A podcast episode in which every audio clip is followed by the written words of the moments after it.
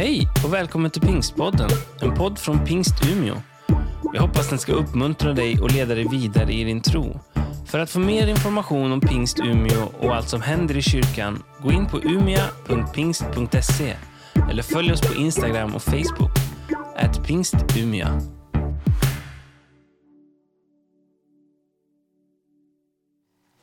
Jag ska läsa Lukas evangeliet kapitel 15, vers 1. Och det säger att alla tullindrivare och syndare söker sig till Jesus för att höra honom. Fariseerna och de skriftlärda förargar sig och sade denna mannen umgås med syndare och äter med dem. Då gav han dem denna liknelse. Om någon av er har hundra får och tappar bort ett av dem och lämnar han då inte de 99 i öken och går och letar efter den borttappade tills han hittar det. Och när han hittar det blir han glad och lägger det över axlarna.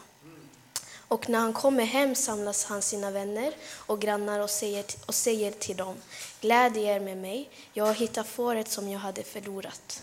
Jag ser er på samma sätt. Då blir det stor glädje i himlen över en enda syndare som omvänder sig än över 99 rättfärdiga som inte behöver omvända sig.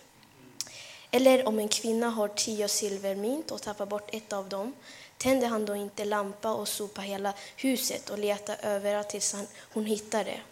Och när hon hittar det, då samlas hon vänner, vänner och grannkvinnor och säger glädje med mig, jag har hittat mynten som jag hade förlorat. På samma sätt säger jag er, glädjer Guds änglar över en enda syndare som om, omvänt sig. Amen. Amen. Amen. Tack Ebenezer.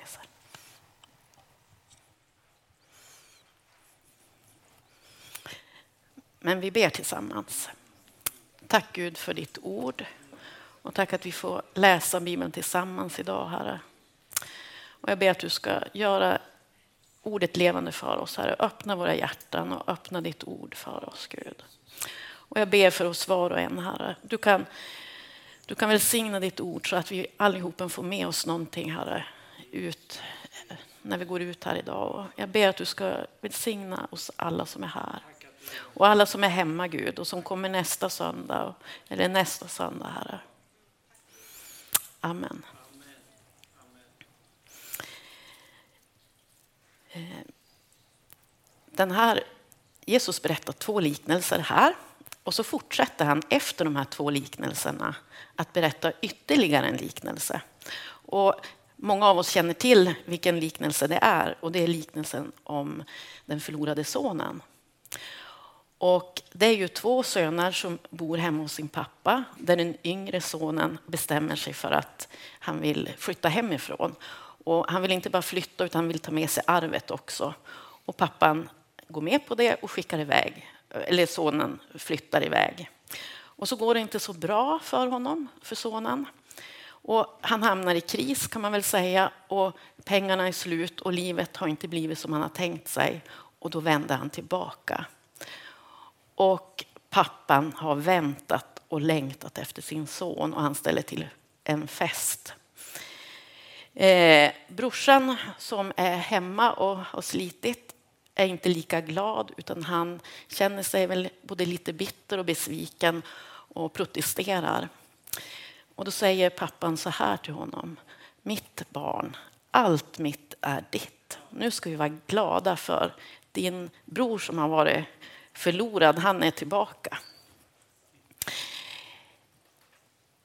Eh, det här är ett får som har kommit bort, ett mynt som har försvunnit, en son som ger sig av, handlar de här liknelserna om. Men det handlar också om en herde som letar tills han hittar, tills han finner och en kvinna som städar och vänder upp och ner på huset tills hon hittar myntet.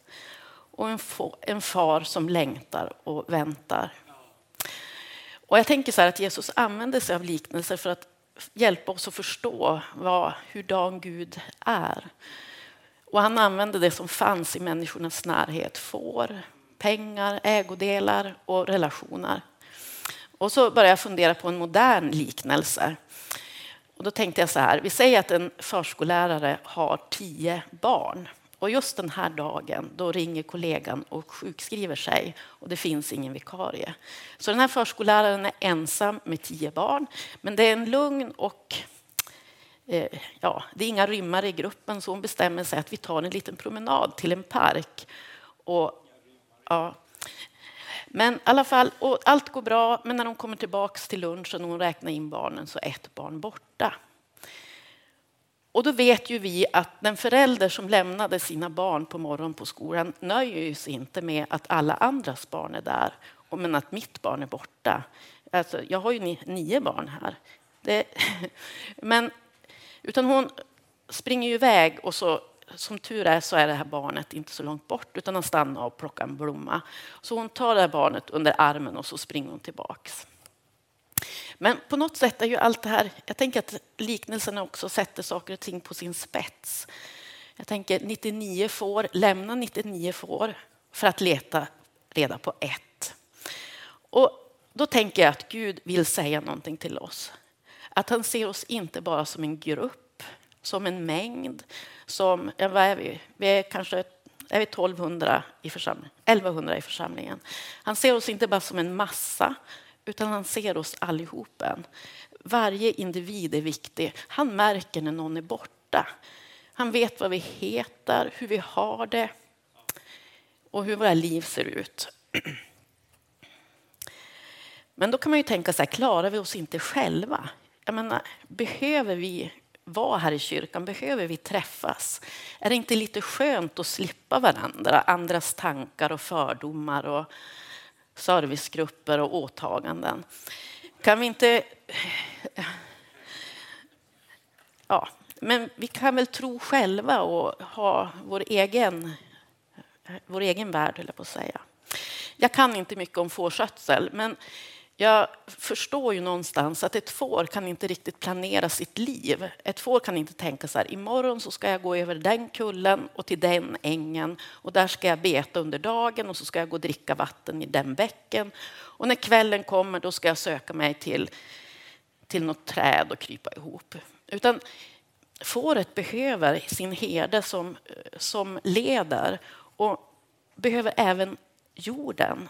Jag tänker den här värmet och skyddet av varandra. Men också, inte bara det, utan man behöver få känna att man hör ihop, att man tillhör någon.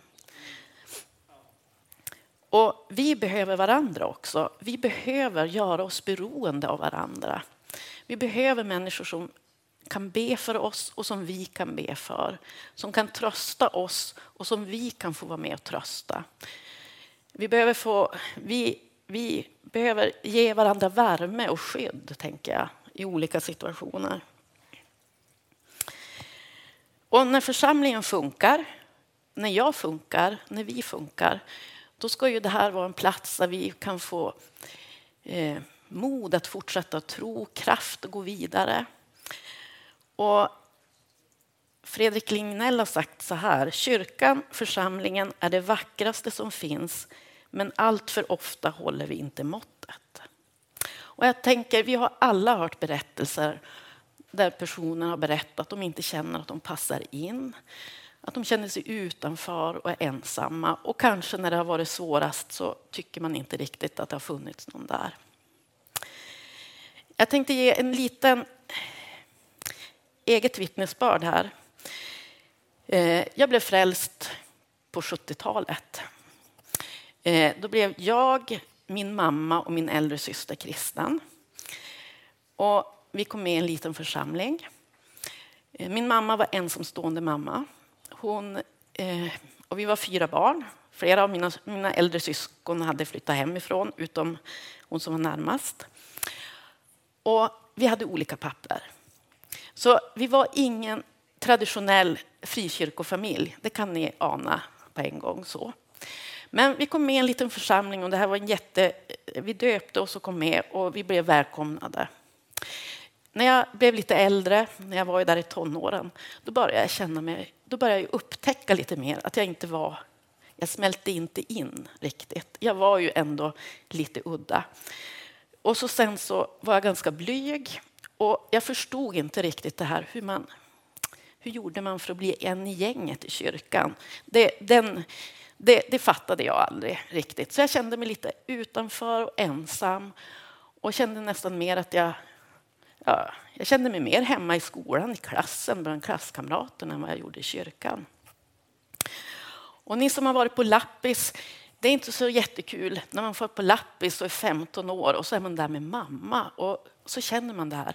Det bara står skrivet i pannan. Jag är ensam. Jag har inget eget gäng. Så att det där har ju som följt med genom livet. Nu är jag ju vuxen kan man väl säga, tycker jag. Jag är över 50 år. Och ibland har det varit mer som en ryggsäck, det här ensamheten. Och ibland så har det bara varit en liten väska. Och det har varit lite olika. Eh, men någonting som har hjälpt mig i alla fall genom åren, det är att söka mig till människor som jag har kunnat be tillsammans med, eller be för mig. Det har varit min mamma, det har varit min syster, det har varit kompisar och vänner. När mina barn var små och vi kanske inte gick i kyrkan lika ofta då hade jag en hemgrupp för tjejer. Och vi träffades och vi bad tillsammans. Och det hjälpte mig verkligen att hålla fast vid tron. Och så kan man ju tänka så här, att står man här framme eller spelar man piano eller sjunger man eller ja, vad man nu gör för någonting, då känner man sig inte ensam. Men jag tänker att det här är någonting som vi alla kan känna faktiskt. Och det har ingen, kanske någonting med vilken uppgift vi har. Och ibland faktiskt måste jag ju ärligt säga att jag har tänkt så här, ska jag gå till kyrkan idag om inte Mats kanske kan följa med? Ska jag gå upp och fika? Ska jag stå i kön dit upp? Så har jag tänkt och så har man känt sig lite utanför. Men då vet jag någon gång, jag vet inte hur det blev, men jag bara kände så här, ja men det här är ju min församling. Jag är ju en del av den här församlingen också. Eh, det är ju inte bara alla andra som är församlingen, utan jag är ju en del av församlingen. Det är ju vi som är församlingen. Och efter det, ja, den där insikten kom, så har det blivit lite lättare. Och eh, den här känslan eh, har inte blivit på samma sätt att det är ni och jag, utan det är vi tillsammans. Och då kan man ju, Jesus då, han var ju också människa och när han gick här ner på jorden så tänker jag också att han vet hur det är att känna sig ensam och annorlunda. Jag tror det i alla fall. För han levde ju här ungefär i drygt 30 år. Och de flesta i hans... Jag menar, de flesta gifte sig ju ungt, fick barn, familj, fick andra liv än Jesus. Han såg sina barndomskompisar skaffa familj. Och han, han visste ju att han var Guds son, att han hade ett annat uppdrag. Men jag tänker nog att känslan av att vara udda fanns nog också hos honom. Han hade ju sina lärjungar och de tänker jag blev ju honom väldigt nära. Petrus säger ju att han aldrig ska svika Jesus och ändå så är han med om det. Och i slutet av Jesu liv, precis innan korset, så går de ju tillsammans till Getsemane för att be. Och så säger Jesus, vaka och be med mig. Vaka och be med mig. Och så går han iväg. Och så när han kommer tillbaka så sover de. Och så säger han, kunde ni inte vara vakna? Och så säger han, vaka och be med mig. Och så går han iväg och så kommer han tillbaks och så sover de. Så jag tänker, Jesus han vet hur det är att ha vänner som inte riktigt orkar också. Tänkte jag på så här att han kan förstå oss, hur vi känner det.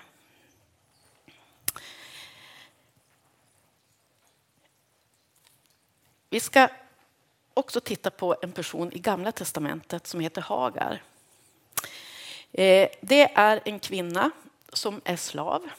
hon är slav till Sara och Abraham, eller till Sara i första hand. Och hon var kvinna, hon var slav, så hon kunde hon kunde inte påverka sitt liv nästan någonting. Eller i princip ingenting skulle jag vilja säga. Men hon gjorde ju det hon blev tillsagd.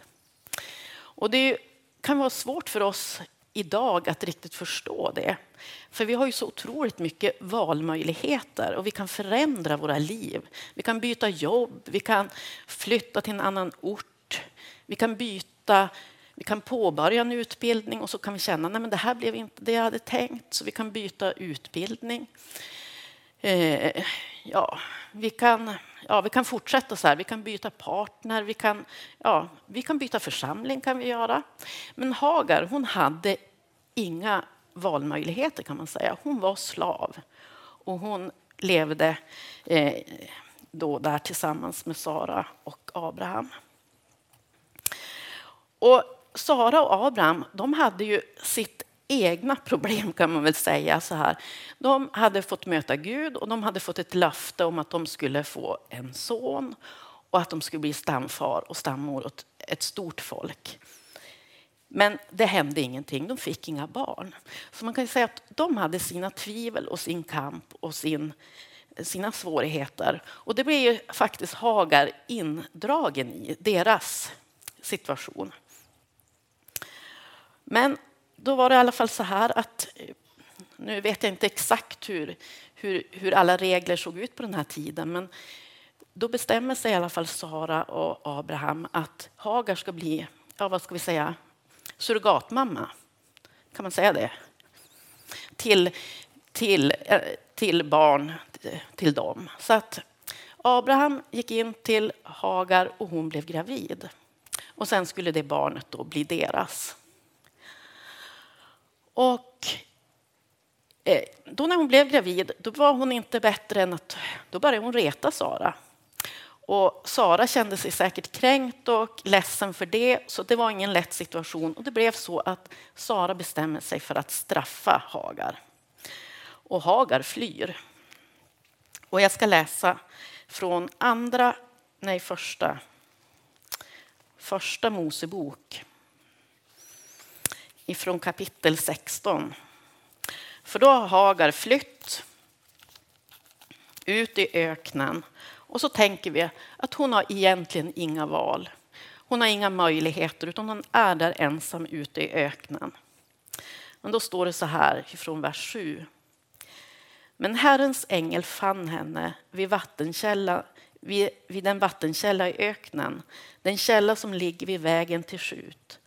Han sade, Hagar, Saras slavinna, varifrån kommer du och vart går du?